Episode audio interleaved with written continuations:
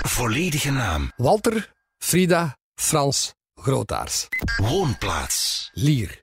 Beroep. Zelfstandig. Leeftijd. 63. Burgerlijke staat. Gehuwd. Kinderen. 4. Huisdieren. 1. Hond. Lievelingseten. Oh, alles. Mijn bijnaam is de vuilbak. Dat zegt genoeg. Geen verdere uitleg nodig. Maarten en Dorothee. Dit zijn de 10 meest gegoogelde vragen over Walter Grootaars. Walter Groothaars, welkom bij ons in de podcast. We zijn zo blij dat je hier bent. Graag. We hebben al heel veel grote namen gehad, maar eh, je hoort daar echt zeker bij. Het is heel, heel fijn dat je deze podcast wilt doen. Welkom eh, hier in Vilvoorde in eh, de studio's van Q-Music. Ehm, Google jij jezelf wel eens? Heel vaak. Eh, Heel voor informatie. Ik, ik ben het minst dat ik twijfel aan iets. Al is het maar een spelling, hè. Ik zeg maar iets van ja. ozel, hè. Als ik aan iets twijfel, of, of hoe is de, de Eiffeltoren van Parijs, of wat dan ook, dan google ik direct, dat is een reflex geworden. Oké, gek. maar Google jij jezelf? Nee, Heel nooit. vaak. Nooit. Wat ik heb nooit. zelf nog nooit gegoogeld. Nooit. Nee, men heeft mij onlangs nog gezegd, je moet eens naar eh, Wikipedia gaan, want daar staat vol fouten over u. Je kunt dat aanpassen, hè? Eh, ik weet dat niet. Jawel. Ah, oké. Ja, ja, kunt Wikipedia kunt je editen. Ah. Dat is een soort van... Dat, dat, de- Wikipedia is een beetje gestoeld op de, de, de massa die Ja. zelfregulerend is. Ja. Die eigenlijk, Ah, we werken eigenlijk allemaal moet ik eens samen aan dat- Wikipedia. Ja. ik, dat zit niet in mijn genen. Ik heb ook nooit, wat de kreuners betreft bijvoorbeeld, als je bij mij thuis komt, dan weet je niet dat ik daar woon.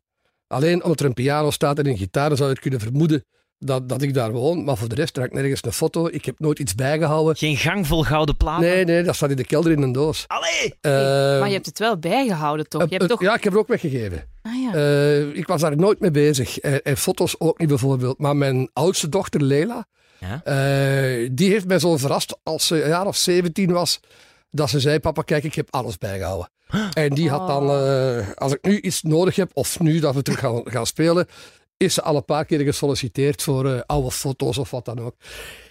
Het zit niet in mijn genen om, om dat te verzamelen, ik zal het zo nee, zeggen. nee. Ik weet dat ik dat eigenlijk zou moeten doen, al is het alleen maar voor het nageslacht. Maar dan denk ik, ja, er is ook Google. Als mijn kinderen of kleinkinderen gaan googlen, hebben ze het ook. Allee, Ja, dat is zo, maar het is die, ik heb de reflex niet. nee. Maar dan is het goed dat, dat Leila dat voor u Ja, ja, doet, hè? Leila, en nu nog altijd, die volgt alles op. Ja, ja, ja.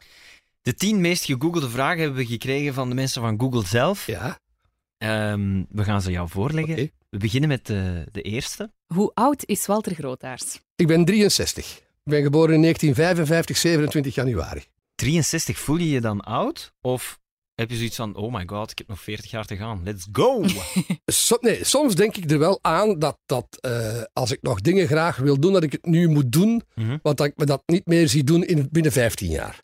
Ja. Snap je? Eh, en en dat, zet mij, dat spoort mij aan om toch weer met andere dingen bezig te zijn. Om, om, eh, ik ben nu aan het denken bijvoorbeeld, maar aan het denken nog maar. Ik heb nog niks praktisch. Ik maak zo wat, wat kadertjes. Eh, als ik eraan denk, als, ik heb altijd zo'n boek bij waar ik inschrijf, of ik heb een iPad bij waar ik dingen kan invullen. Eh, ik wil wel eens een keer mijn verhaal vertellen. Het verhaal van de Kreuners vertellen op een podium met wat muziek erbij en met anekdoten en, en hoe het eigenlijk allemaal bijvoorbeeld de jaren 80 waren toch helemaal anders als de jaren 90. Ehm, wat heeft mij geïnspireerd? Waardoor zijn sommige nummers ontstaan? Ik heb eh, van mijn dochter, of van mijn, van mijn kinderen, van mijn kinderen, heb ik eh, voor mijn verjaardag eh, dit jaar het boek van de Rolling Stones gehad, waarin de 300 van hun liedjes worden uitgelegd waarom die zijn geschreven en, en wat de aanleiding was en wat er allemaal mee gebeurd is. Anekdotiek eigenlijk allemaal. Maar ik vind dat zo'n fantastisch boek. En vorig jaar kreeg ik voor mijn verjaardag het boek van Bruce Springsteen. Daar ben ik kapot van. Dat vind ik een waanzinnig goed boek. Eh, iedereen die muziek wil spelen of, of heel graag live speelt of nummers wil maken, moet zeker eh, eh, Springsteen lezen, zijn, zijn boek. De Stones, dat geeft gewoon, dan smile je, dan lach je, dan, dan heb je een glimlach, dan ben je goed gezind. Omdat dat, die hebben wel wat meegemaakt, die mannen. En als je dat dan leest, en je leest Springsteen, die twee samen, en dan mag ik er nog eentje aan toevoegen, dat is het, het boek van Barry Hay, van Golden Earring. Mhm. Eh, dat raad ik ook iedereen aan. En als je die drie boeken hebt gelezen, dan word je gelukkig. En heb je dan het gevoel van, maar ik zou dat eigenlijk ook kunnen schrijven of doen? Of, Of op eh, een- ik ja. heb eigenlijk ook van alles meegemaakt. Dat gevoel kreeg ik nu Ja. daardoor. Ja. vroeger, men heeft me dat heel vaak ver- ge- gevraagd van, Memoires, memoires. vertel het. We hebben een ghostwriter, eh zelfs een hele goede vriend van mij, eh, Terry Verbist, Ja. dat een hele goede schrijver is. Die zegt, maar ik wil dat wel schrijven voor u, omdat ik... ehm, ik zeg altijd, ik, ik ben een intellectueel HDHD'er. Hè. Ik, eh, ik eh, kan me niet te lang concentreren als ik dat moet schrijven. Ja. En ik ben ook nog zo weer, als ik het zou schrijven, wil ik het eerst met de hand schrijven. Dat is Oh, ook nog zoiets onnozel. Ik weet dat. Ah ja. Maar dan wil ik dat eerst met de hand schrijven eh, en dan pas uittikken. Want dat, moet, dat, dat is stom, hè, dat is iets dat in mijn, in mijn hoofd zit. Ehm, maar het, het moet meer zijn dan dat. En ik heb nooit het gevoel gehad dat ik iets te vertellen heb. Ja. Tot met het ouder worden natuurlijk. Mhm. Ik merk dat ik wel iets te vertellen heb. Ja, dus je En- bent nu 63 en je denkt, ik kan ofwel een theatertour of een boek of allebei. Maar, misschien maar zo'n theatertour, als ik dat ticket nu al kan kopen, dat zou ik heel Maar ik moet het in elkaar kunnen krijgen. Ik- Ja, ik ja, zie wel fragmenten van wat ik zou willen doen. Er moet ook voldoende humor in zitten, want ik wil het ook niet te zwaar maken. We hebben heel, eh, we hebben heel veel hoogtes en heel veel eh, laagtes gehad in, in, in onze carrière met de Kreuners dan. Ehm, en als je over de laagtes vertelt, wordt alles een beetje zwaar. Eh, en dat wil ik niet laten overheersen, dus ik moet die een balans gaan zoeken. Ja. Maar dat zit nu in mijn kop en af en toe schrijf ik eens iets op. Ja. En dan kom ik daar weer op terug. En ik hoop dat ik het misschien binnen een jaar of twee, drie kan doen. Misschien moet je tegen je management gewoon zeggen, boek 30 eh, culturele centra Dat en dan heb je een deadline. Hè? Dan Ja. Ja, dat weet ik, maar dat, dat is voor mij niet goed. Ik, ik, ik moet niet tegen een deadline Ah, nee, werken. Ik moet eh, er, laten we zeggen dat ik- er mag een deadline zijn, maar dan moet ik al 80% van wat ik wil doen kennen, weten. En ik, Ja. ik, ik ben een controlefreak op dat gebied. Dan moet, moet ik weten dat ik het ook al van buiten ken, dat ik het kan vertellen. Ja, En ja, dan moet ja. ik een coach nemen die mij kan helpen met hoe vertel ik. Dat soort van dingen. Dat, eh, dat wil ik dan wel leren. Ja. Ja, ja, ja. Jullie zijn in 2012 gestopt met de kreuners. Vorig jaar al een beetje en nu echt terug herbegonnen. Mhm. Denk je soms na over wanneer zou ik op pensioen gaan? Niet nu, hè? Maar Ja. Eh, nee. Nee. Ik denk daar niet over na, omdat pensioen is, is, dat is iets wat je, wat je eh, in, in een werksfeer, als, als, als eh, bediende, als arbeider, heb je daar een, een, een bepaalde lijn in. En dat begrijp ik ook heel goed. Ik bedoel, bepaalde jobs die men uitvoert, kan je maar tot je 3 of 65 doen. Maar als je dan kijkt, in heel Europa, werken wij het minst lang in, in Vlaanderen. Dus er klopt iets niet. Ja. Maar ik zelf heb het geluk, en ik, ik prijs me daar heel gelukkig mee, dat ik kan doen wat ik graag doe. En eh, ik zit in de politiek in Lier, al 24 jaar in de gemeenteraad. Eh, ik doe dat graag omdat ik zot ben van Lier. Ehm, ik ik eh, hou me bezig met wat voetbal. Ik vind dat ook plezant. Mijn, mijn zoon die speelt voetbal. En ik kan nu terug de kreuners doen. Dus ik prijs me enorm gelukkig dat ik dat kan doen. En Ja. ik zie mij dan niet stoppen omdat er een bepaalde grens is. Nee, nee, dat Dat, snap dat ik. gaat gewoon niet. Daar pak je geen leeftijd. Als ik zie naar de Stones. Ma, de Strolling Bones noemen ze ze nu al. Ehm, maar dat is fantastisch. Ik ben een fan, hè. Ik ben een ongelofelijke fan. Ik denk dat ik ze in totaal eh 12 of 13 keer live heb zien spelen.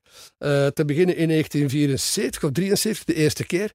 En ik ben ook gaan lopen bij optredens, omdat het zo slecht was. Eh, ik ben in het Sportpaleis in Antwerpen, 74, dat was een tweede keer dat ik ze gezien heb. Eh, en ze speelden Angie.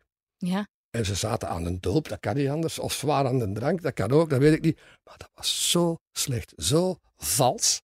En, ik, en dan daarna nummer werd ook de prak ingespeeld, maar dat waren de Stones in die periode. Hè. In die tijd moesten ze het geluk hebben dat ze, dat ze in, in vorm waren.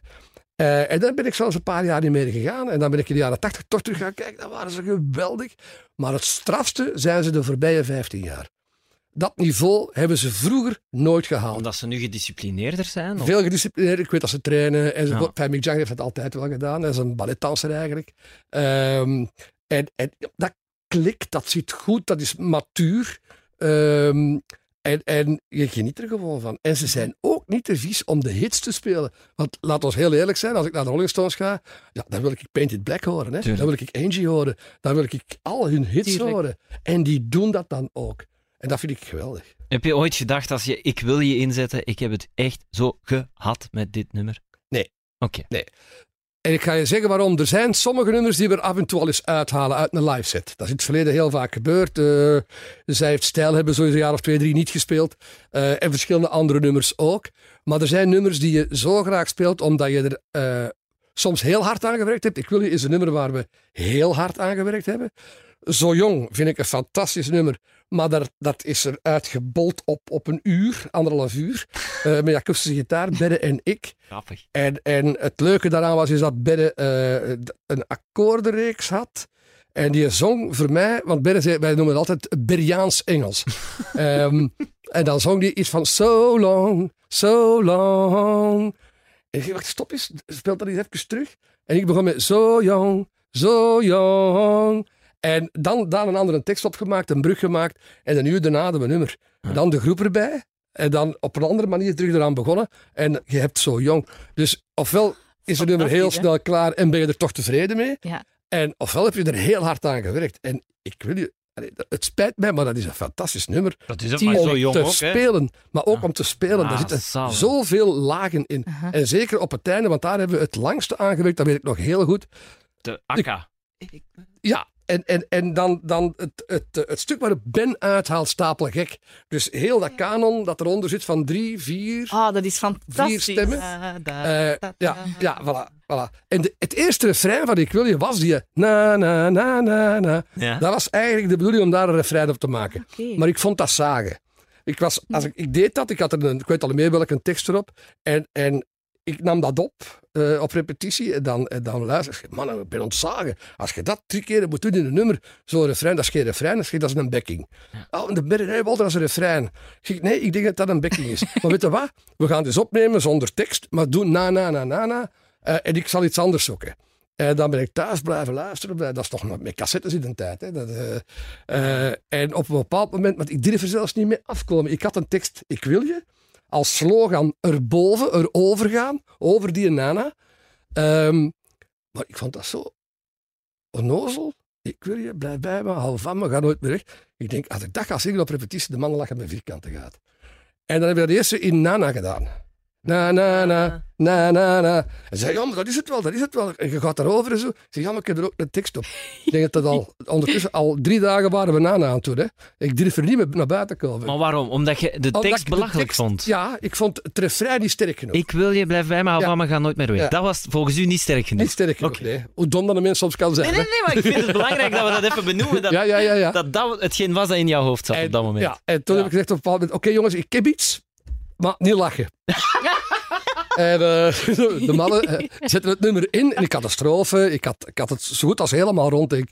En die beginnen te zingen en ze stoppen na, na, na- op het einde en zeggen, dat is het, dat is het, we hebben het. En dan zijn we gaan zoeken naar die lagen achteraan. Ja. Hè, met ik wil je herhalen en opnieuw en opnieuw en opnieuw. Eh, ik wil je blijven bij me, stapel gek. Is er dan ook nog bijgekomen.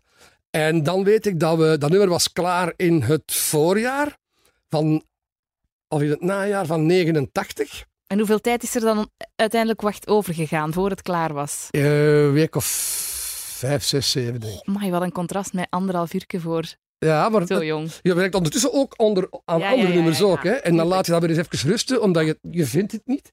En dan laat je dat liggen. En dan begin je met een ander nummer te werken. Dan probeer je dat nog eens een keer. Eh, maar het, het strafste daaraan was, eh, het is pas uitgekomen in 90, het eh, Ik Wil Je. Maar in de zomer van 89 eh, speelden we op Marktrock. Mhm. En ik had, en dat nummer was toen klaar. Eh, want we gingen in het najaar in de studio gaan. hè, september of oktober de studio in. En ik zeg tegen de man, ik zeg, willen we, ik wil je eens uitproberen, live? Ja, maar niemand kent dat niet. Allee, dat gaat doodvallen. Onze set valt dood. Ik zeg, nee, ik zou het toch willen spelen live, want ik denk dat je het niet moet kennen om erdoor gepakt te worden. Je kunt dat soms hebben met nummers. Ja, absoluut. En eh, oké, we doen het. En heel die oude markt Ik wil je. stond op zijn kop. Helemaal. En dan wisten we gewoon, ja, we hebben er niet vast. Hè. Ja. En dan hebben we het nog één keer live gespeeld. Ze hebben de studio ingegaan. Want live leer je veel. Hè.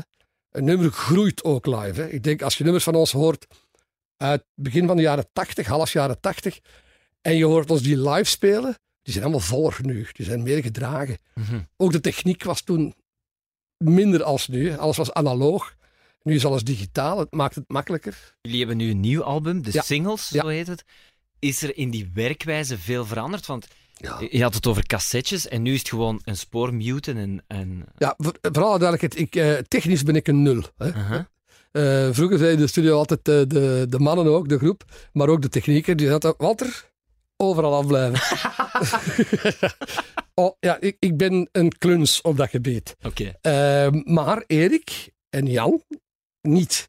En nu Axel bij ons zeker niet. Dat is, dat is een echte technieker. Pak zijn MacBook Pro mee. En, Ja, dat is. En Ja. Dus je kan op een andere manier demo's maken, basisse ideetjes. En daar komen ze dan mee af. Eh, want dat gaan we nu doen na de zomer. We willen nu eerst de hele zomer spelen. Terug om, om, om, om dat gevoel, dat plezier in het spelen te kunnen hebben. Plezier in de muziek terug te hebben. En dan denk ik dat we de winter gaan gebruiken die eraan komt. Om te zien of we nog nieuwe nummers kunnen maken die interessant genoeg zijn. Ja. Want we zijn kritisch genoeg op onszelf om te weten dat, je, ja, dat, dat, dat het nog goed is, ja of nee. Of dat je het beter niet opneemt. Of misschien wel gaat opnemen. Dat zijn zo dingen waar we nog niet uit zijn. Ja, ja. Oh, ja. ja, een exacte wetenschap is het niet. Hè? Nee, helemaal niet.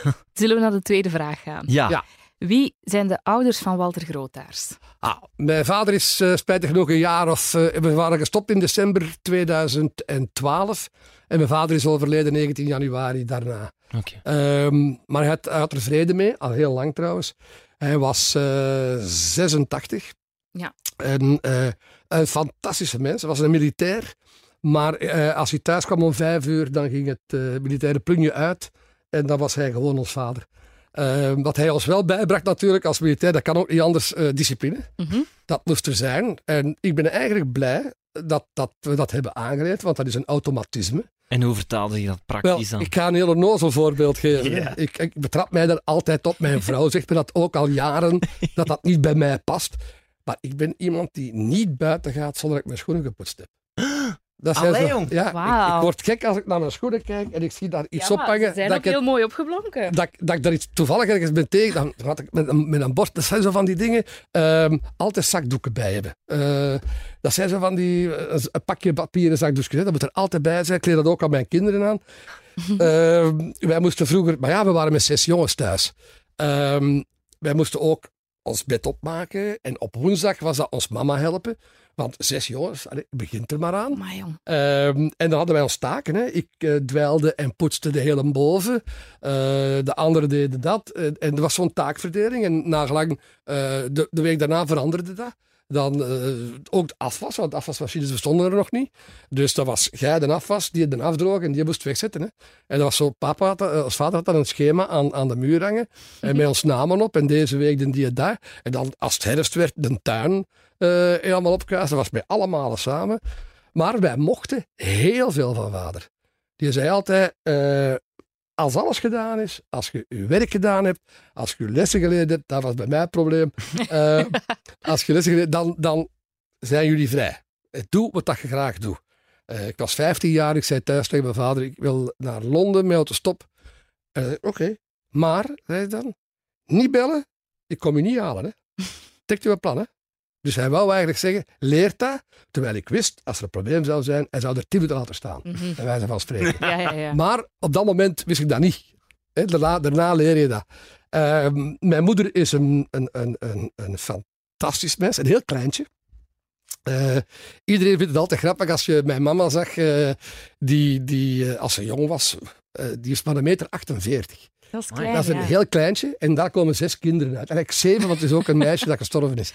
Eh, zeven kinderen, dat, dat geloof je niet. Een heel fijntje, ehm, maar een ongelooflijk lieve vrouw. Ik ben 63, mijn moeder leeft nog, is 86, zit in een eh, tehuis, maar die is altijd goedgezind. Ik heb mijn moeder nooit kwaad geweten. Nooit, niet één keer.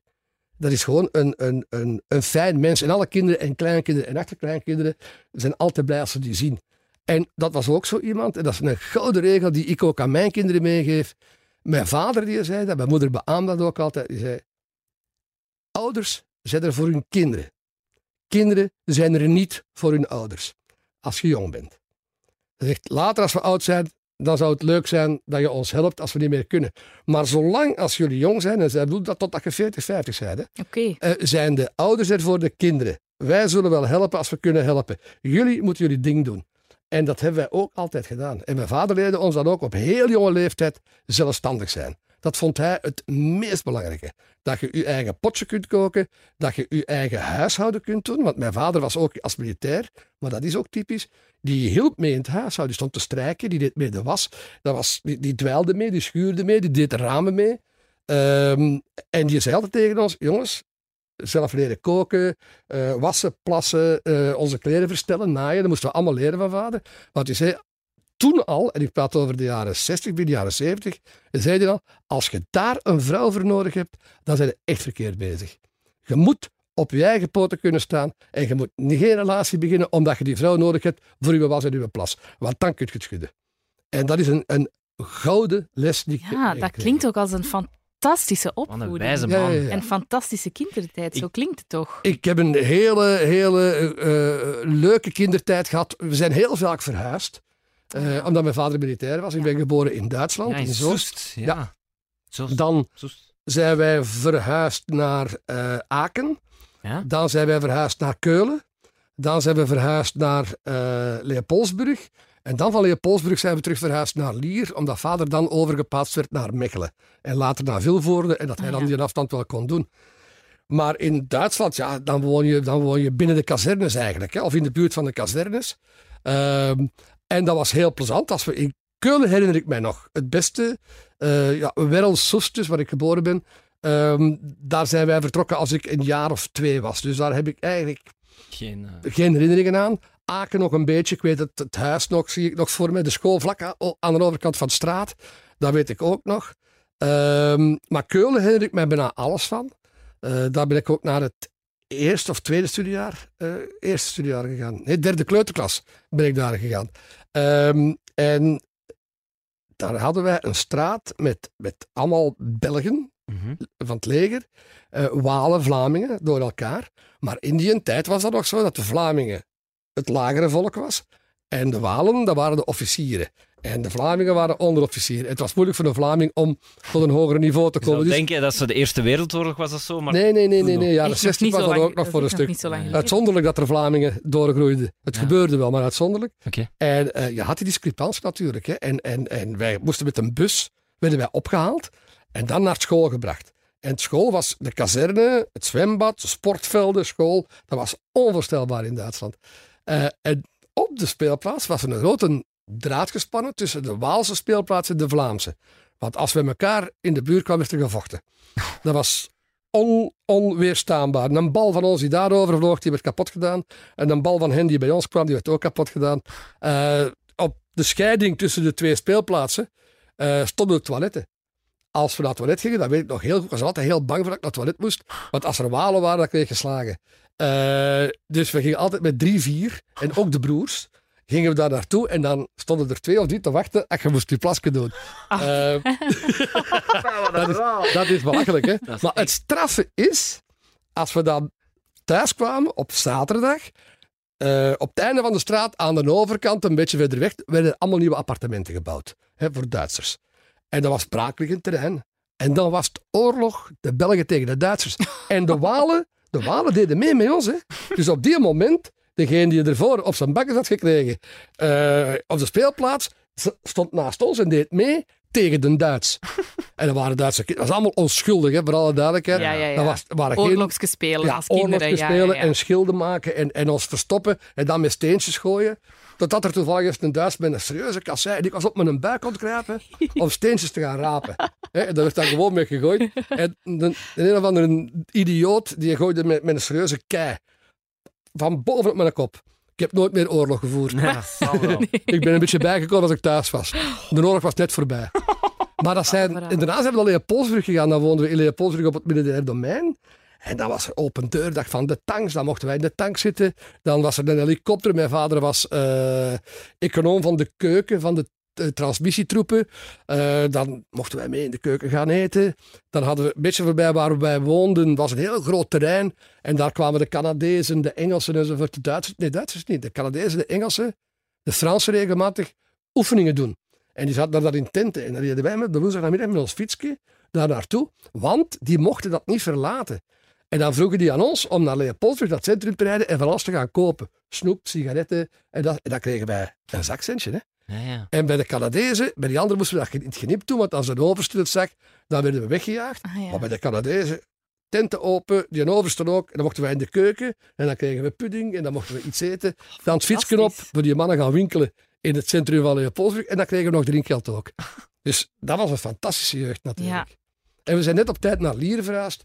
Want dan was het de puberteit. En ik was al met muziek bezig en ik wou iets in de muziek gaan doen. En toen in Leopoldsburg had dat een stille dood gestorven, denk ik. Oké. Omdat Je er- had lier nodig. Nee, van Lier naar Antwerpen met een trein was een kwartiertje. Hè.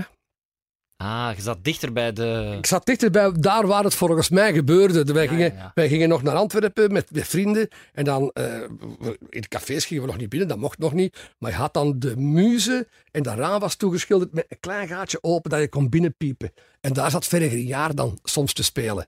En dan keken wij door dat gaatje. Dat was Ver- kijk. Kom eens zien, kom eens zien, Vergeriaar. En dat was het van het, hè. En zo, en dan op Woodstock. Dat was dan de aanleiding. We hadden een clubhuis en dan begonnen we te spelen. Ik speelde drums, eh, een ander speelde gitaar. En je begint, je begint muziek te maken. Hè. En zo ben je erin gerold. En zo ben ik erin gerold, ja, ja, ja. Oké. Dankzij Antwerpen dus ook voor een stuk wel. Ja, de, de- de nabijheid van, van die grootstad. Ja. Dat had voor een snotneus van 14, 15 jaar had dat wel iets. En, en op zaterdagnamiddag met de bus of met een trein naar daar gaan. We hadden geen geld om grote dingen te kopen. Maar je, je Ja. liep door die stad en je, je was er een stuk van. Ik zal het zo zeggen. Je bent er dan nog vrij vroeg ingerold eigenlijk. Heb, heb je dan ook nog iets gestudeerd? Of... Ehm, ik heb, eh, ben maar tot mijn 16 jaar naar school gegaan. Het laatste wat ik gedaan heb is eh, hotelschool. Mhm. Ehm, maar de wereld ging open. Hè. Je moet zien, het was toen, toen eh, 68, de- 70, 71. En het ergste was, mijn vader zei, heeft dat heel lang gezegd, ik was van de zes jongens de beste, de ik studeerde het makkelijkste. Ik, ik moest een boek tien minuten vast hebben, ik, ik wist wat erin stond. Ik heb dan nog, ik kan heel diagonaal lezen en heel snel lezen. Ehm, en mijn vader vond dat zonde dat ik dan degene was die niet meer naar school wou gaan. Ja. En die eh, wou me dan op internaat sturen. En dan ben ik er thuis uitgetrokken. Eh ben ik auto's tot, verder, tot in Hamburg. Maar met slaande deuren of gewoon... Nee, nee, staan dus s'nachts, s'nachts eh, stilletjes buiten gekropen en weg. Amai, Hamburg, Wow. dat is een eindje om te liften, hè? Ja, ja, ja, maar eerst door Amsterdam. En dan in Amsterdam. Ik had wel wat... Ik, deed, ik heb altijd vak- eh, vakantiewerk gedaan. Ja. En in de week s'avonds ook gaan poetsen en zo. Dus je Ja. had wat Eh, cash. ja, ik had, altijd, ik had wel wat cash bij. En eh, dan ben ik eerst naar Amsterdam gegaan. Van Amsterdam gelift naar Hamburg. Daar heb ik dan eh, een ticket gekocht op een overzetboot naar Denemarken. Maar ik was één ding vergeten. Eh, toen, in die tijd, moest je in Denemarken een visum hebben. En ik had dat niet. Maar ik wist dat dus ook niet. Dus ik kom van die boot af. En douane, visum. Visum. En die gast zegt, ja, sorry, je moet terug. Ik zeg, ja, maar ik, zeg, ik heb geen geld voor die boot terug te betalen. Want mijn familie, ik dacht, ik moet mijn geld eh, sparen. Mijn familie, mijn vrienden in Denemarken, die hebben geld en daar ik mijn geld krijgen. We regelen dat. En die gaan naar die, mannen van die mannen van de zeggen, ja, die mag je niet op, geen dingen. Maar zet je gewoon terug af. Oké, geen probleem. Ik moest geen dingen betalen, geen ticket betalen. En, eh, maar dat zat vol. Die boot zat vol. Er was nergens een plaatsje waar ik op mijn gemak... En ik was moe. Ik was doodop. Eh want pas op, die vaart toch acht uur. denk ik. Dat is een eindje, hè? Ja, ja. Eh, dus, en ik vind op een bepaalde plaats maar een heel proper toilet. En ik sluit me op in het wc en ik leg me gewoon tegen de rand en ik val in slaap. en ik word wakker. Was zo, ik dacht nog een uur of anderhalf uur voordat we aankomen. Hè? En ik word wakker en is nog wat aan chokken die een boot en ik ga naar buiten en ik ga... eh, Oh nee, ik voel het al aankomen. drinken. En daar is de Deense kust. Oh nee. Inderdaad. Ik was dus doorgeslapen als die was, had aangelegd in Duitsland. Eh, en, en die was al terug naar Rotbyhaven. Vergeet het nooit. En ik dacht, ik mag, mijn kop niet laten zien, want ze gaan me een bak insteken. Dus ik, als ik de kust zag, dichterbij komen van, van Denemarken, terug naar dat wc, terug die deur toe en dan zo wakker blijven, wakker blijven, wakker blijven. Terug, acht uur. En dan is- ben ik uitgestapt. Het Nijkirchen? Nee, dit anders. Eh, het, het hoogste punt waar de boten aanleggen. Ehm, en daar gaan liften. En daar heb ik dan ook nog eens 16 uur gestaan. Voordat je de lift had. En dat zijn lessen hè, die. Hè. Ja. Dat zijn levenslessen die, die, die je anders nooit krijgt. Nee. Nee, en goede verhalen voor uw memoires, als Ja, het ja, ervan ja, ja, komt. ja, ja, ja, Ja, ja. ja. Zullen we naar de derde vraag? Ja, ja. Wanneer was Walter Grootaert burgemeester? Een beetje bizarre vraag. eh. Ik eh, ben nog nooit burgemeester Nee. geweest. Jawel, een ver- eh, waarnemend burgemeester, Ja. plaatsvervangend Ah, ja. burgemeester. Dat doe ik nu nog als de burgemeester met vakantie is. Omdat ik de eerste schepen ben, moet ik hem Ja. dan vervangen. Maar allee, stel u daar niks bij voor. Maar dat zijn gewoon eh, documenten tekenen. Hè? Ik bedoel, maar is geen ambitie. Ik heb de ambitie niet, nee. Ik denk Nee? niet dat ik een hele goede burgemeester zou kunnen zijn. Nee? Ik, ik zie bij mij in de partij dan Marleen van der Poorten. Ja. Eh, en dat was een ongelooflijke eh, sterke burgemeester. Zij wordt nu ook lijsttrekker. Dus ik denk inderdaad dat... Nee, ik denk niet dat ik een goede burgemeester zou zijn. Ik weet dat eigenlijk niet, hè, maar ik denk het niet. Het is veel werk ook, hè.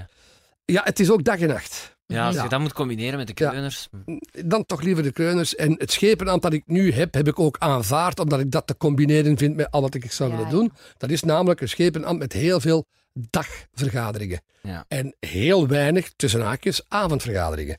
Terwijl ervoor was ik schepen van sport en dan ben je zeven dagen op zeven ben je weg. En dat is eigenlijk onmenselijk. Ik vind dat onmenselijk.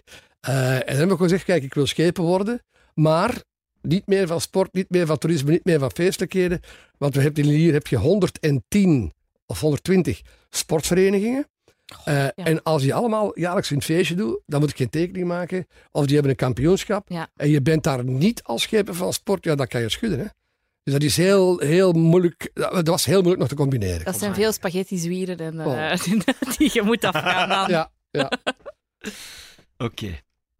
Ehm, ja, de politiek. eh, zou je dat aanraden? Ik vind dat zelf heel fascinerend. Ik zou dat graag eens ooit in mijn Ik leven... raad oei, het iedereen aan om, en ik, ik dwing niemand naar een richting, hè, maar iedereen moet voor zijn eigen voelen bij welke partij hij thuis hoort. Mhm. Ja, ja. Ik, ik ben ook pas onder dak gegaan, eh, twintig jaar geleden, hè, bij een partij. Daarvoor was ik dakloos, hè, eh, Hmm. politiek dakloos, omdat ik mij nooit echt kon identificeren met, met een partij of Ja. met de programma's van een partij. Er was altijd wel iets wat mij niet aanstond Ja. Mhm. waarom ik het niet zou kunnen. Ehm, maar je vindt dat op een bepaald moment en dat maakt voor mij echt niet uit. En dan het inzetten, het, het, het zoeken naar oplossingen, eh, proberen een visie te ontwikkelen. Het is heel moeilijk, want het meest makkelijke is alleen maar met het verleden bezig zijn. Dat, maakt, dat, dat, is, dat, is, het, dat is probleemloos. Mhm. Hè? En, en het was vroeger beter en daar gaan we terug naartoe. Nou, dat is bullshit natuurlijk. Je moet vo- vooruit kunnen denken. Eh, ik, ik ben verantwoordelijk voor stadsontwikkeling onder andere. Wel, ik, ik lees heel veel studies en ik ga naar heel veel colloquia om te weten waar gaan we naartoe. En ik laat heel veel studiewerk eh, eh, uitvoeren om te weten waar gaat Lier naartoe. Want dat is mijn verantwoordelijkheid. Ah. En wat moet ik doen in Lier? Dat is wel. Ehm, op dit moment woont in Lier 33% van de mensen alleen. 33% is alleen wonend en dat gaat stijgen naar 50. Niet alleen in Lier, dat gaat in heel Vlaanderen, dat gaat overal zo zijn. Ehm, moet je dan nog appartementen bouwen van, van 120 vierkante meter? Nee, want de jonge mensen bijvoorbeeld hebben andere noden dan, dan de generatie daarvoor. ja, ja, ja. Eh, jonge mensen willen eh, komen toe met 70 vierkante meter. Willen gemeenschappelijke ruimtes. Willen alleen maar slaapkamer, vinden ze belangrijk. Eh, maar vooral badkamer en keuken. De twee belangrijkste plaatsen in een, in een woning. Of dat nu een woning of een appartement is, maakt niet uit. Dus dan moet je gaan zoeken. Maar de bouwgronden zijn op. Zo goed als op in heel Vlaanderen. Het wordt moeilijk om bouwgrond te vinden, dus je moet inbreiden. Je moet oude fabrieken of oude gebouwen slopen, maar niet meer op twee verdiepen. Hè. Je moet naar vier, vijf, zes verdiepen gaan. Je moet omhoog, want anders ga je weer de linten bebouwen ja, ja. het centrum. Ja, ja. En dan krijg je weer files. Ik bedoel, dat is de oorzaak van de meeste files. Dat is onze lintbebouwing. En wij zijn, als je zo'n kaart pakt van Vlaanderen, met alle weggetjes en weggetjes op, en je pakt dan de kaart van Nederland. Ja, ja. Is, wij zijn één groot spinnenweb. Hè? Ja. Overal liggen wegen. Hè? Er is nog werk voor Walter Grootaars, Ja. dat is duidelijk. En daar hoeft hij geen eh, burgemeester voor te zijn. Ehm, de vierde meest gegoogelde vraag. Wat heeft Walter Grootaars gepresenteerd op tv? Dat is ook vrij veel, hè? Eh, goh, ik heb wel wat gedaan op televisie. Ik ben heel laat begonnen omdat ik de combinatie tv en, en kreuners niet zag zitten, vooral in de jaren tachtig. Hm. Toen heeft men mij dat een paar keer gevraagd om iets te doen voor televisie. Daar heb ik dan nooit eh, op ingegaan. Maar dan ben ik erin gerold. Zo is, wil je eens ene keer meedoen aan de drie wijzen. 89, denk ik dat dat was. Of 88. Ehm, en van de ene keer, ik heb er tien jaar in gezeten Ja. omdat dat zo plezant was. En dat, en dat, ging, dat, ging, dat was heel veel improvisatie, dat ging, dat ging vrij vlot. Eh dan heb ik eens een 90, 89, 90 ook eh, eh, een programma gedaan over festivals. Waarbij ik eh, Roskilde alle festivals eh, heb gedaan en daar alle groepen ben gaan interviewen. Dat vond ik niet zo plezant. Omdat ik, eh, ik, ik weet dat ik tegenover Michael Stipe van R.E.M. zat. En je zag, dat was na zijn optreden en die zat op een tour en die was kapot. Je zag dat gewoon, die mens was leeg.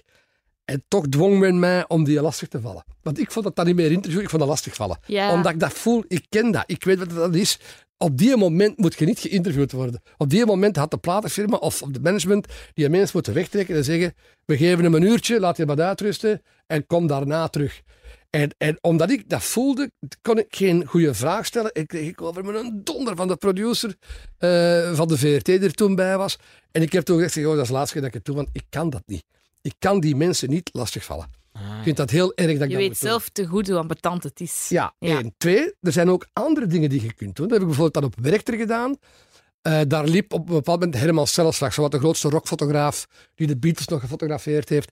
Eh, die voor ons ook de tweede hoes gemaakt heeft van onze plaat, denk ik. Van onze tweede LP. Eh, die liep daar rond en die zei mij, ik stop ermee. Het is niet meer wat het vroeger was. Het is één circus geworden, enzovoort, enzovoort. Ik zeg, ja, dat is, dat is te begrijpen. Dat is, ik, zeg, ik snap dat heel goed. Ehm, en Elvis Costello liep daar ook rond. En ik had het idee, want ik ga naar Costello. Ik zeg, kende jij die man? Ah ja, dat is de fotograaf. Die heeft van mij eh, jaren geleden al foto's gemaakt. En eh, dat is een topfotograaf. Ik, ik ben altijd blij als ik hem zie. En van hem foto's van mij zitten. Ik zeg wel, hij stopt ermee. Zeg, ik ben hier voor een, een programma over festivals. Zeg, ik ga u niet interviewen als je het niet erg vindt. No, no, no, I don't mind. Eh, ik zeg, maar ik zou u één ding willen vragen. Als wij mogen filmen, dat jij met het fototoestel van Herman, van Celleslags, foto's maakt van Herman. In plaats hij van u. Mhm. En we hebben dat gefilmd en uitgezonden. Oh, een fantastisch item. Me- dat zegt veel meer dan een interview. Want eh, laat ons eerlijk zijn, als je een interview doet, nagelang in, in dat tempo waarin dat je zit op een festival, ah, je antwoordt op automatiek hè, op een bepaald moment. Ja, mensen vinden het ook wel eens fijn om eens Iets anders. iets anders te... Ja. Ja. Ja. Je hebt ook nog veel programma's gepresenteerd hè, Mhm. op tv. Is er, zo iets Dat dat is er, eigenlijk begonnen. is er iets dat er zo uitspringt, dat je zo denkt van, oh, dat vond ik echt tof, of net niet tof? Eigenlijk het eerste echte programma dat ik gepresenteerd heb dan was eh Now or Never. Mhm. Ja, ja. En dat was revolutionair door de beeldvorming, door de, de manier van draaien, hoe dat we werkten. Ehm, Was dat niet met die spinnen en zo? Ja, ja, ja, Angsten ja. overwinnen? ja, ja, Ja, ja, ja, ja. En het was nu of nooit, en als je deed, dan stond er geld, ik bood, tegenover. ik bood hè? op, hè. Ja, ja. Maar pas op, de, de, de screening van die kandidaten was fantastisch. Wij wisten of het echt was, ja of nee. We hebben ooit bij een kandidaat die zogezegd bang was voor spinnen, hebben wij op dat eh, kantoor, als iemand die op een kantoor werkte, een van onze redacteurs is daar als poetsvrouw eh, begonnen. En om te merken, om te zien dat dat geen komedie was, heeft ze daar zelfs op een bepaald moment een spin gezet. En dan wisten we, die werd hysterisch, dat wisten we genoeg. Amai, maar wat Goeie een research Ja, dat is van uw goeie kandidaten. Ja, ja, ja, ja. de research Yes. was, was eh, primair. Ik heb mijn vak wat dat betreft geleerd in Nederland, hè, bij, bij Endemol. eh, van John en, en, en, en Joop, Joop van der Ende en John de Mol. Eh, en dan leer je, het was keihard werken. Want als wij buitenopnames deden, dan ehm, waren we dikwijls weg om half zes morgens. En hadden we pas gedaan om één uur s'nachts. En dat was echt een broodje en een hapje rap onderweg, want je had geen tijd om te stoppen. Dat moest, de kandidaat moest x aantal uren afleggen met een riksja van Antwerpen naar Brussel of, of met een rollende ton. Dat herinner ik mij nog. Daar hebben we 12, 13 uur op gefilmd. Ehm, op eh, twee zeeschepen van de marine, waarbij er ene over een kabel naar het andere schip eh, moest, moest gebracht worden. Maar dat zijn memorabele opnames. Ja. Maar daarnaast had je de studio. dat werd opgenomen in Nederland. Want in Vlaanderen hadden we op dat moment geen enkel studio die groot genoeg was om zo'n programma te herbergen. Ehm, maar dat kwam mij eraan, eh, ik zeg maar iets op maandag om, om twee uur in de namiddag, eh, droge papier doorlopen, even overleggen, wat hebben we gemaakt, de montages zijn klaar, papapam, papam, goed. En dan maandagsmorgens om half negen, rap een, een, een, glaasje, een tasje koffie. Eh, en dan begonnen wij aan repetitie van show 1 tot half twaalf, twaalf uur. Eh, dan rap iets eten, half uurtje, tijd om een broodje te pakken. Dan repetitie show 2 tot eh 4 uur. Dan douchen, eh, klaarmaken. Opname show 1 om half 6. Eh, show opgenomen, dan eh, weer even opfrissen, eh koffie drinken. En om half negen opname show 2. Oh my god. wat En dan de dag dagen. daarna Ja. begonnen we terug de theorie. En dat was de, de woensdag terug de theorie. En dan een donderdag terug opnieuw half negen. Negen uur show door. 1 repeteren, show Ja. 2. Maar dat ging, dat tempo heb je. En dat leer je daar, dat je dat op die manier moet doen. Nu zijn er net iets te veel presentatoren of presentatrices die na één opname dood zijn. die dan, ja, dat zijn divas geworden, dat, zijn- dat zijn ballerina's geworden, noem ik je dat dan. Eh, televisie maken is werken. Dat is hard werken. En er altijd met je verstand bij blijven. Altijd, altijd eh, alles mee in doog houden. En, en vooral met die hele ploeg door één deur blijven kunnen gaan. Dat is heel belangrijk. Ik kende mijn hele ploeg. Ik kende iedereen, zelfs de Hollandse cameramannen, wij hadden daar de beste relatie mee. Dat was lachen, dat was plezier maken. Maar als, als 3, 2, 1 was, hop, dan waren we vertrokken. En Ja, dan werd ja. er gewerkt. Cool. De vijfde meest gegoogelde vraag is eh, een beetje bizar. Maar ik ga ze toch stellen. Waar is Walter Grootaars nu? Ik ben nu op Q, hè. Hoe ziet een gemiddelde dag er voor jou uit? Oh, eh, ik sta altijd om, om eh, zeven uur op. Dan eh, eh, maak ik eh, het ontbijt voor de kinderen. Ik, ik vind het van levensbelang om met mijn kinderen aan het ontbijttafel te kunnen zitten. Al is dat maar, want hoe ouder ze worden, hoe gejaagder en hoe, hoe, hoe langer ze wachten om op te staan. En, en hoe korter dat die tijd aan het ontbijt is. En dan willen ze doorgaan, maar dat is, dat is niet erg. Maar ik wil ze gezien hebben. Ehm, en dan zijn die weg naar school rond eh, vijf voor acht, acht uur. Die gaan met de fiets nu. Eh, tot vorig jaar bracht ik de kleinste nog naar, naar, eh, naar school, omdat ze moeten toch een paar gevaarlijke kruispunten over met de fiets. Ja. En Ja. onder de twaalf jaar vond ik het, kon, ik kon het niet over mijn hart krijgen. En dan stond ik ook om half vier terug aan de school, elke keer. Ehm, en nu heb ik nog een uurtje langer. Eh, en, en zit ik dan tegen half negen ben ik meestal op mijn bureau op het stadhuis, op de, op de dienst wil ik zeggen. En dan beginnen mijn vergaderingen. Dat kan, dat kan in huis zijn, dat kan ergens anders zijn. Eh, maandag hebben we schepencollege om, om eh, twee uur tot, ja, dat kan zeven, dat kan acht, dat kan negen uur s'avonds zijn.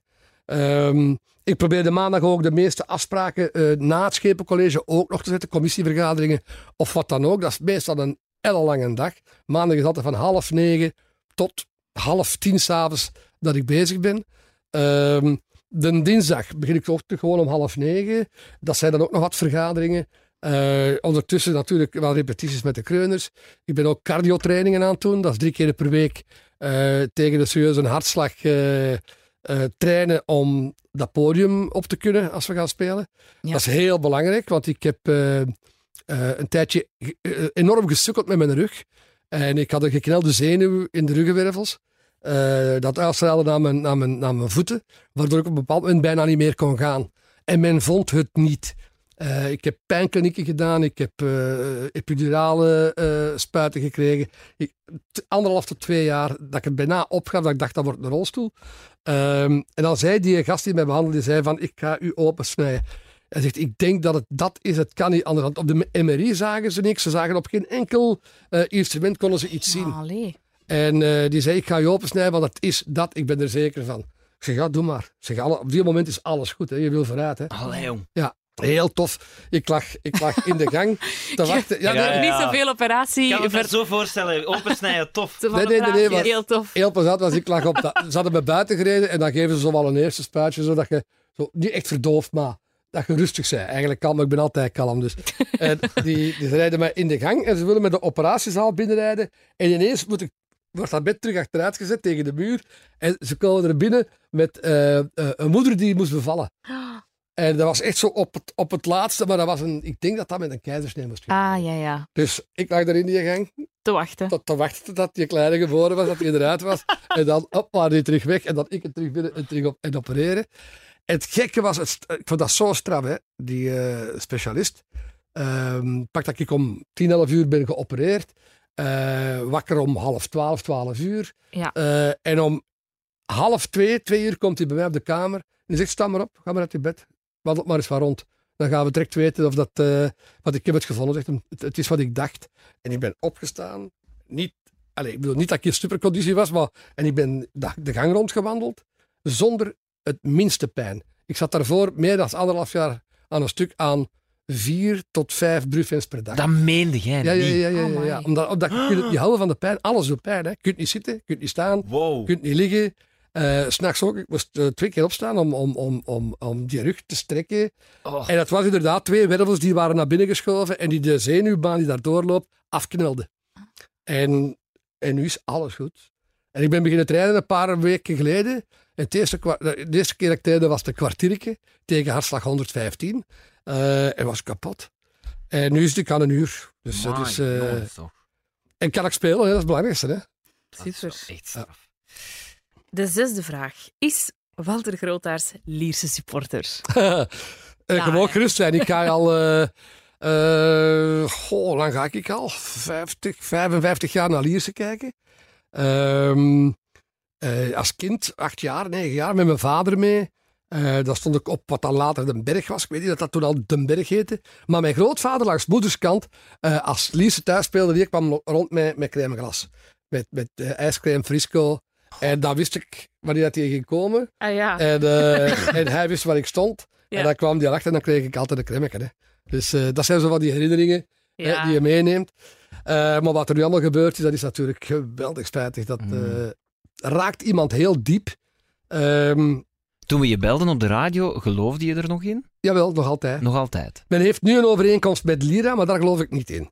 Dat Ah, ja. denk ik niet dat dat, op lange termijn... vandaag, hè, want het Ja. is 14 mei voor de duidelijkheid vandaag. Ja. Dat is het nieuws van de dag. Ja, maar dat. eh allee, ik, ik juich fusies toe, sowieso.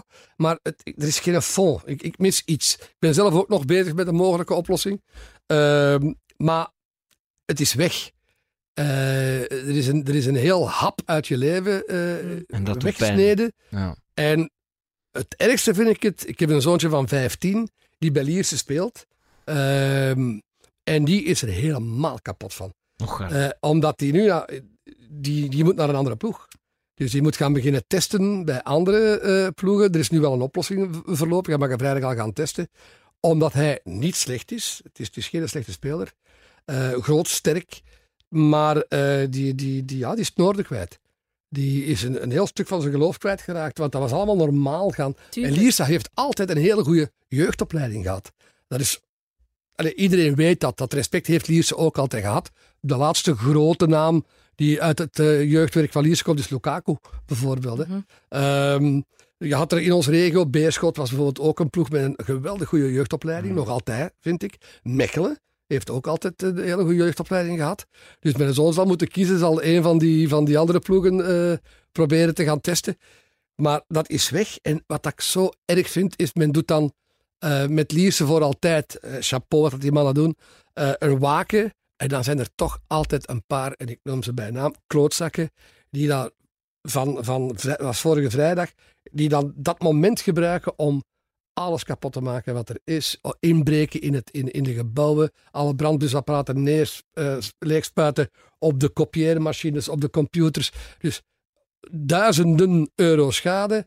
En nog het ergste, daar was mijn zoon eh, gisteren kapot van, dat eh, op de jeugdtreinen van Lierse men alle, alles gepikt heeft wat er is. Alles is weg. Op De die... doelen, de, go- de goals, de golen, Oh. die zijn weg. Men heeft alles gepikt. De bekers, de jeugdbekers, is allemaal gewonnen. Alles is weg. Dus mensen hebben eigenlijk, want dat waren mooie beelden, hè, dat al die supporters Ja, ja, eh, maar, van, hun maar vlaggen- die verwijt ik niks, en voor alle duidelijkheid. Nee, maar er zijn er mensen die van dat moment gebruik hebben ja, gemaakt. misbruik. om- Die daar misbruik van maken, van, van het, het verdriet, het samenkomen van die supporters. eh, volwassen mensen die er staan te huilen. Ik bedoel, Ja, en ja. ik begrijp dat, hè, want er is een stuk geschiedenis compleet verdwenen. Ja, en die, ja. Dan is het woord klootzakken inderdaad Dan wel op zijn hard plaats als je dat moment Ja, misbruikt. pardon my language. Hè. Absoluut. Nee, nee, Nee, nee. nee, je hebt gelijk. We zullen deze podcast explicit moeten maken. Top. Eh, vraag, vraag 7 en 8 kunnen we misschien samen nemen. Eigenlijk Ehm, wel, ja. Walter Grootaars bestaan de Kreuners nog en waar treedt Walter Grootaars dit jaar op? voilà. Eh, de kreuners bestaan terug. Hè. Ja. Ehm, Een mooi nieuw album. Eh, we hebben de, een album uitgebracht met de singles. Hè. Mhm. Ehm, en we, hebben, we zijn nog aan het repeteren, maar we hebben al een paar goede, toffe, plezante repetities achter de rug. Omdat wij er toch al 40 jaar in slagen om ernst en, en, en humor eh, te mengen. Wij kunnen geweldig ernstig aan het repeteren zijn. Kwartier, een half uur. Mhm. En dan kan ik het niet laten. Dan moet ik de spanning wegnemen en dan eh, worden er grapjes gemaakt. Maar ik niet alleen hoor. Jan, Ben, iedereen maakt grapjes. Erik is de meest rustige figuur van, van, van de groep. Ehm, en daardoor beginnen we te lachen, wordt er wat gezeverd, wordt er wat gezwanst. Voel je dat de spanning weer even weg is, op, en dan ga je weer terug gaan repeteren. Ja. En heb je daar weer terug plezier in. Ehm, en dan kunnen we gaan spelen. We gaan nu eh, begin juni, 10 juni denk ik, doen we onze try-outs. We doen er een stuk of vijf, ik wil het kwijt zijn. Eh, dan 22 juni beginnen we echt te spelen. Dan eh, openen we in Genk op het uh, Genk on Stage, denk Ja. ik dat het heet. Ja. Ehm, en dan zijn we vertrokken voor een eh 20, 25 tal festivals. En ik kijk er echt naar uit. Ik kan u zeggen, dat is lang geleden. Dat ik met zoveel goesting daar naartoe ja, ga. ja. Komt dat dan misschien omdat, er een, omdat jullie een paar jaar geleden eigenlijk gestopt zijn en dan herbegonnen Ja, zijn? Is dat ja. daardoor? Batterijen zijn opgeladen, er is een pak afstand genomen. Ik heb bijvoorbeeld eh, heel bewust, eh, we zijn gestopt in december. En ik denk dat ik twee jaar zelfs geen plaat thuis heb opgelegd, geen cd, niks. Ik luisterde alleen nog muziek op de radio in de auto. Dat was het enige. Ook geen radio op. Ik, ik, ik heb complete afstand genomen. En het gekke is, op een bepaald moment heb je dan toch weer terug zin. En ik ben altijd een platenverzamelaar geweest. Ik heb eh, een paar tienduizend platen. Wow. Eh, en, en begin je toch terug. En wat merk ik dan? Ik betrap mijn eigen daarop. Waar begin ik dan weer terug mee? De Rolling Stones, Ja. Neil Young, Lou Reed, David Bowie. Maar vooral platen uit mijn jeugd terug boven gehaald. En dan de jaren 70. Als ik terugkijk op al die jaren dat ik met muziek bezig ben. Ik heb mijn eerste plaats gekocht op mijn acht jaar. Ehm, dan is voor mij de meest boeiende periode qua muziek de jaren 70. Daar is voor, volgens mij de meest interessante periode van de laatste 30 jaar, 30, 40 jaar. Daarna zijn er nog pieken geweest hè, van heel interessante dingen. Maar de 70 was een mengeling. Je had aan de ene kant het, het eh, hippie en, en flauwer gedoe van, van Crosby, Stills, Nash Young, hè, die periode. Eh, maar je had ook David Bowie, de, de, de grootste innovator. Hè. Ik heb de man ook eh, acht, negen keer aan het werk gezien. Waanzin, hè, wat hij allemaal gemaakt heeft. Ik was 16, ik ging naar Londen en eh, alleen, ik ging altijd alleen. Eh, en in Londen leer ik een paar, twee Amerikanen en een Engelsman kennen. Eh, in een platenzaak, we stonden in de platenwinkel eh, in de bakjes te kijken. We gaan aan de praat. En die zeggen, ja, we gaan vanavond kijken. We weten het niet juist, maar te zien met lang haar, alleen op akoestische gitaar. Ik denk in de Marquis in Soho. Ah, mag ik meegaan? Ah, ja, ga maar mee. Dat waren mannen van 19 jaar. Ehm, en ik ga mee, dat was voor één pond entree. Dat vergeet ik ook nooit. Eén pond entree. En we gingen binnen en, en was gewoon een zaaltje. Wat kon erin? 300 man, denk ik, niet meer. 300 man. En er, zat, er begon er een te spelen op een baarkruk met een eh, twaalfsnarige akoestische gitaar. Eh, met lang blond haar. Hè? David Bowie. En ik wist het niet, hè. Oh, maar dat is toch geweldig als je daar bent bij geweest, Ja. bij die momenten. En je hebt hem dan gezien en je gaat dan de dag daarna terug naar op. Ik ging dan slapen. Ik zei thuis dan wel dat ik naar de YMCA's ging, hè, naar de jeugdhuizen te gaan slapen. Maar ik deed dat niet, want ik spaarde dat geld om een plaat te kunnen kopen natuurlijk. ik ging dan in Hyde Park slapen. Gewoon buiten, in het park. Ja, ja, ja, Ja? gewoon buiten. Ja, ja, ja. En dan de andere dag hap, en dan ging ik me zo in die eh eh, noem ze dat, public uh, papapam, waar je ook kunt douchen en zo. Ah, ja, ja. Ja, daar ging ik dan eh, eh, me opfrissen. En een baard had ik nog niet, dus ik moest me niet scheren. Ehm, En dan kon ik naar die platenzaak gaan en dan kon ik daar toch nog een één extra plaatje kopen met dat, dat geld dat ik had uitgespaard. Zeg maar, nog even, als je Bowie bezig ziet, beseft je dan van wow. Ja, ja, toen wel. Hij speelde, ik denk dat dat de periode van Hunky Dory moet geweest zijn. Ehm, en die, die stem, die stem was goddelijk. Want dat is toch Dat cool? Want ik. ik heb het zelf niet een beetje gehad met Ed Sheeran, die hier promo kwam doen voor zijn eerste single. En wij kwamen zelfs niet recht van ons bureau. Het was gewoon de zoveelste die Ja. singeltje kwam Ja, ja. inzingen. Snap je? Ja, ik en snap nu dat denk ik goed. nog altijd... Allee, kon ik dat toen niet zien, zo, op een of andere manier? Nee, Ja. dat moet u pakken. Ja, Dat, dat moet u echt pakken. Nu haal je een voorbeeld aan Ed Sheeran. Ik heb het daar met mijn vrouw en met mijn dochter al over gehad. Die pakt mij ook niet. ja maar nu wel. En Alleen nu wel kan- denk je ik, kon, wow. nee, je kon toen niet inschatten dat dat iets ging worden. Toen had hij Ik gewoon zijn kon- gitaar, hè. Nu heeft hij zijn loopmachines. Ja, ja, ik weet het. Maar ik kon, toen dat ik Bowie gezien heb in, in, in, in Londen, ook niet inschatten Ah, dat dat ooit iets ging worden. Oké. Maar nee. Pas daarna, als ik in de bakken ging en Hunky Dory eh, kocht en ik zag die foto, ja, dat is die gast die ik gisteren gezien heb. ah, dan ga ik meepakken. Snap je? Super. En dan bleek dat David Bowie te zijn, waarvan ik een kinderplaat thuis had. Want die heeft fantastische kinderliedjes gemaakt. Hè. Oké. dat En, wist ik zelfs ja, in niet. 68. Aha. Images.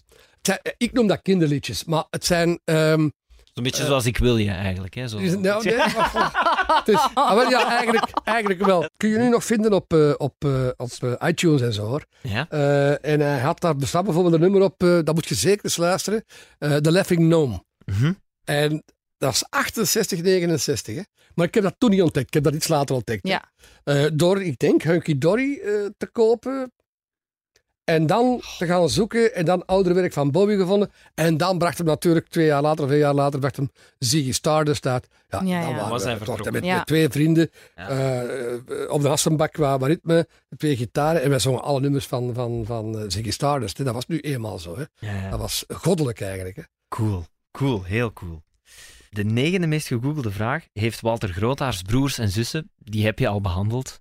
Vijf broers waren het? Ik heb eh, vijf broers. Eén is eh, jong gestorven. Enfin, ik vind dat toch jong. Hij was eh, 47 als hij gestorven is. Oh ja. Ehm, dat was dan ook de broer waar ik het, het dichtste bij stond. Dat mag niet vals klinken naar die andere toe hoor. Nee, nee. Eh, maar hij was ook met muziek bezig. Ja. Hij woonde ook achter mijn hoek. Ik was Peter van zijn zoon. En dat soort van dingen. Dus dat, ik had daar een hele, hele, hele, hele goede band mee. Eh, maar we zijn met, met zes jongens, eh, waarvan vijf op vijf jaar. Ik ben 63, ik heb een broer van 65, ik heb een broer van 64, ik heb een broer van 62, ik heb een broer van 61. En dan heb ik een broer van eh, 51, hè. Alain. Hè. Ik kan me die lagere school voorstellen, zo de Grootaarsen. Die liepen... Wij waren de Daltons, hè. Ah, ja, Ja. Ja, en wij, wij kwamen ook voor elkaar op. Hè. We konden onder elkaar al eens een robbertje vechten. Of ruzie maken hè, over een, een, een bal die wel over de lijn of niet over de lijn was. Hè, wel goal of geen goal. Ja, ja. Maar als er één aan één van de broers kwam, dan vlogen we met vijven op. Dat was ik zat te doen. Fantastisch. Dat hadden we ook geleerd van vader. In, in, dat is misschien grof, maar ik was iemand, ik liet me nog wel eens makkelijk laten. Ik liet me doen. Hè, te gemakkelijk soms. Mijn broer Ivan, die een jaar ouder is, dat was degene die, dat moest er niet aankomen. Hè? En mijn vader die zei altijd, mannen, denk niet bij je weg te steken dat ze niet zien staan. Als ze u willen slagen, slagen ze u. Als ze ruzie zoeken en je voelt dat ze agressief worden, sla eerst. Altijd eerst slagen. Je moet eerst slagen en als ze groter is dan jij, dan erop gaan lopen. Want dan heb je minstens 10 seconden voordat hij uit een frank gevallen is. En ik heb, het maar, ja, ik heb het maar één keer in mijn leven durven doen, oké. maar het was mijn redding. Ah Ja. ja. Ja, ja, die was zo van zijn melk. Die wou slagen, hè. die was van plan van me te pakken. En eh, in Antwerpen was dat. En ik, eerst mijn vader zijn dingen, en ik weet nog dat ik eh eh, een stekkendoosje in mijn, in mijn hand, omdat ik ook weet, als je zonder iets in je handen met een vuist slaagt, dan breekt je vingers. Hè. Dat heeft geen enkele zin. Dat weet ik En, niet. jawel, je moet iets, erin hebben, dat is ze mij geleerd. Dan is die stevig. Hè. En, eh, Ja. Ik heb die er een patat verkocht. ja, maar ik dacht dat ik eraan ging zijn. Hè. Ja, ja, ja. ja. En die, die waggelde en die wist het niet goed. En voordat hij de frank was ik weg. En ik was al een hoek om. Ik kon geweldig goed lopen. al, al goed. Eh, en, oh, oh, en dan maar blijven, uit die buurt blijven. Maar ik moest daar terug naartoe, want de bus naar Lier stond daar in de buurt. Dan heb ik mijn frak binnenste buiten gedraaid. Nee.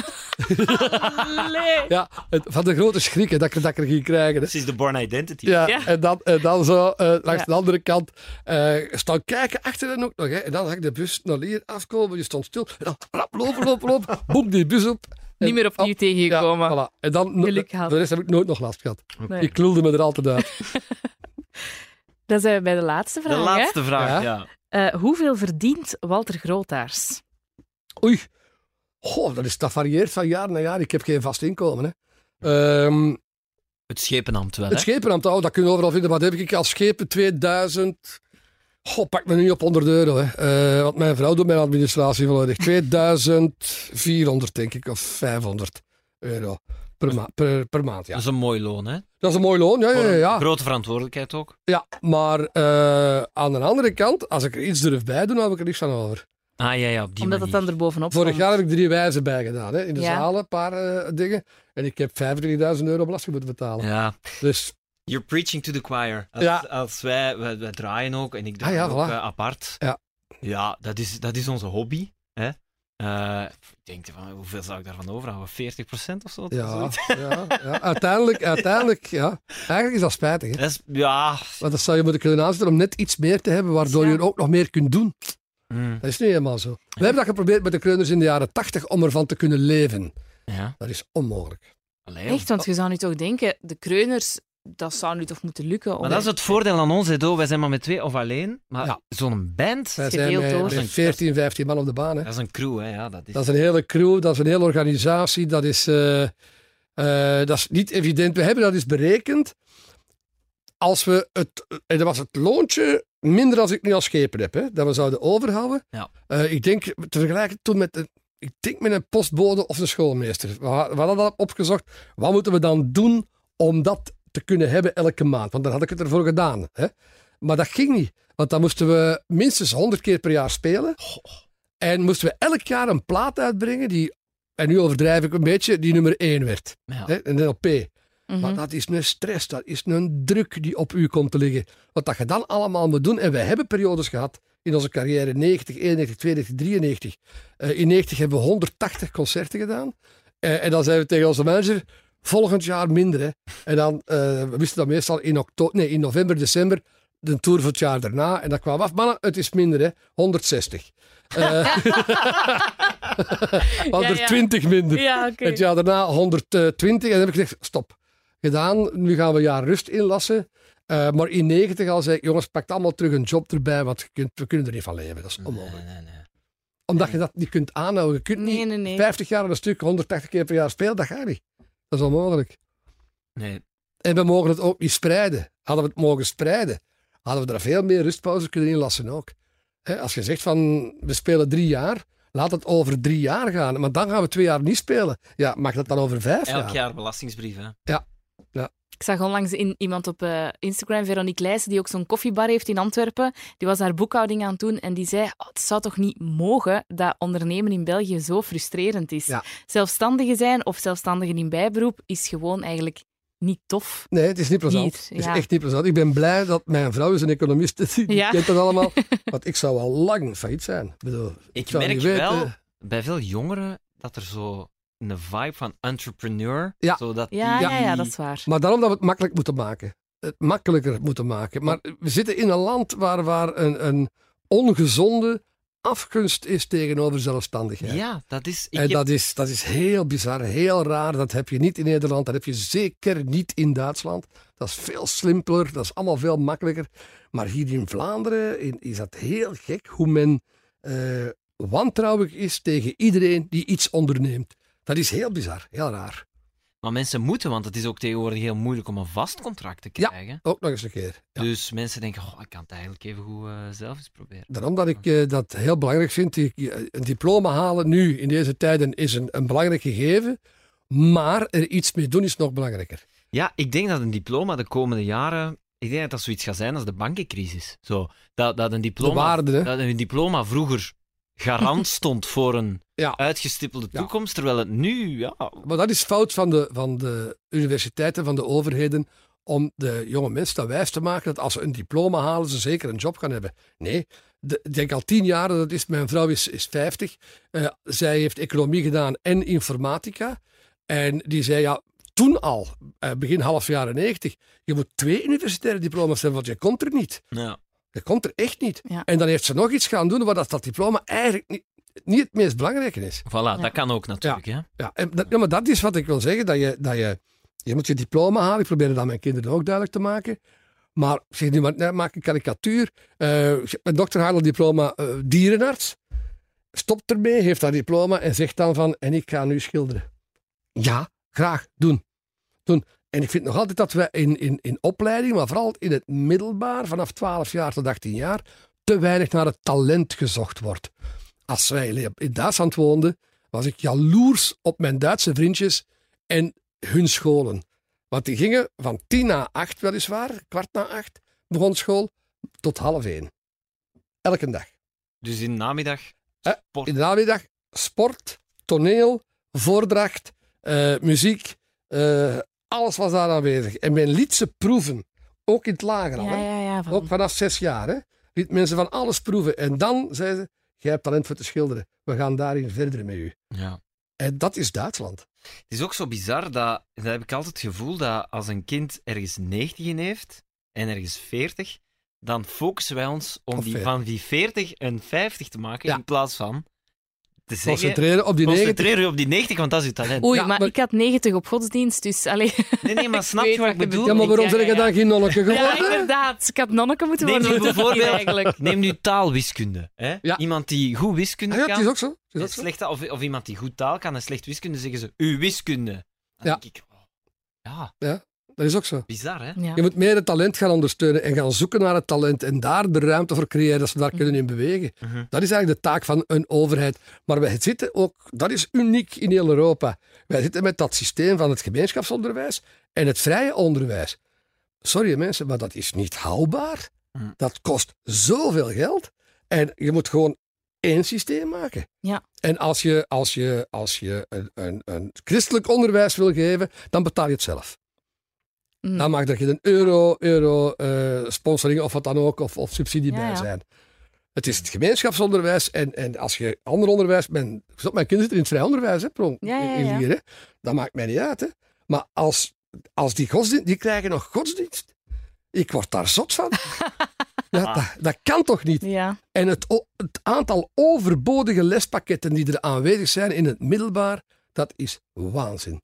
Geschiedenis, adreskunde. Geschiedenis, geef dat, laat acteurs komen, laat die acteurs dat spelen. Zo zou ik dat doen. Laat die geschiedenis spelen. Willen dat alle kinderen weten waarover het gaat? ja. Misschien geen burgemeester, maar ooit misschien minister van Onderwijs. Nee, nee, nee. Nee, nee, nee, nee. Nee, maar de minister van Onderwijs is altijd met de vakbonden. Ja. Dat rekening houden met vakbonden. Ja, en ik vind dat geen goeie niet. Er wordt door het raam teken gedaan dat we bijna moeten Ah, afronden. maar we zijn ook eigenlijk rond. Ja. Ik moet u enkel nog één ding vragen. Zeg Ja. ik iets voor u dood te zeggen. Jij nog iets wilt vragen? Doe maar. Maarten Eh. heeft altijd nog een elfde vraag die hij graag Oké. stelt. Heb jij nog een levensmotto, Walter Grootaars? Ik heb al heel mijn leven een levensmotto. En, en ik ben er een tijdje niet meer mee bezig geweest. Eh, ik heb jaren naamkaartjes gehad. Mhm. En eh, daar stond op, dat is al in de jaren tachtig hoor. Eh, als beroep epicurist. Levensgenieter. Oké. En ik vind dat heel belangrijk. Dat lukt niet altijd, dat kan ook niet altijd lukken. Maar uit elk negatief ding moet je iets positiefs uithalen. Ik heb heel laag gezeten, ik heb eh, op de grond gekropen van de ellende. Maar je leert daarvan, je komt daaruit en je wordt daar sterker door. En je moet proberen het plezante eruit te halen, maar met verstand. Hè. En als je echt op de grond kruipt, zoek iemand die je rug kan opensnijden. Ja, voilà. voilà. Walter Grootaars, het was echt heel erg fijn en aangenaam. gedaan. Dank je wel daarvoor. Graag gedaan. En eh, heel veel succes met de fantastische festivalzomer die eraan komt. Dat gaan we zeker doen.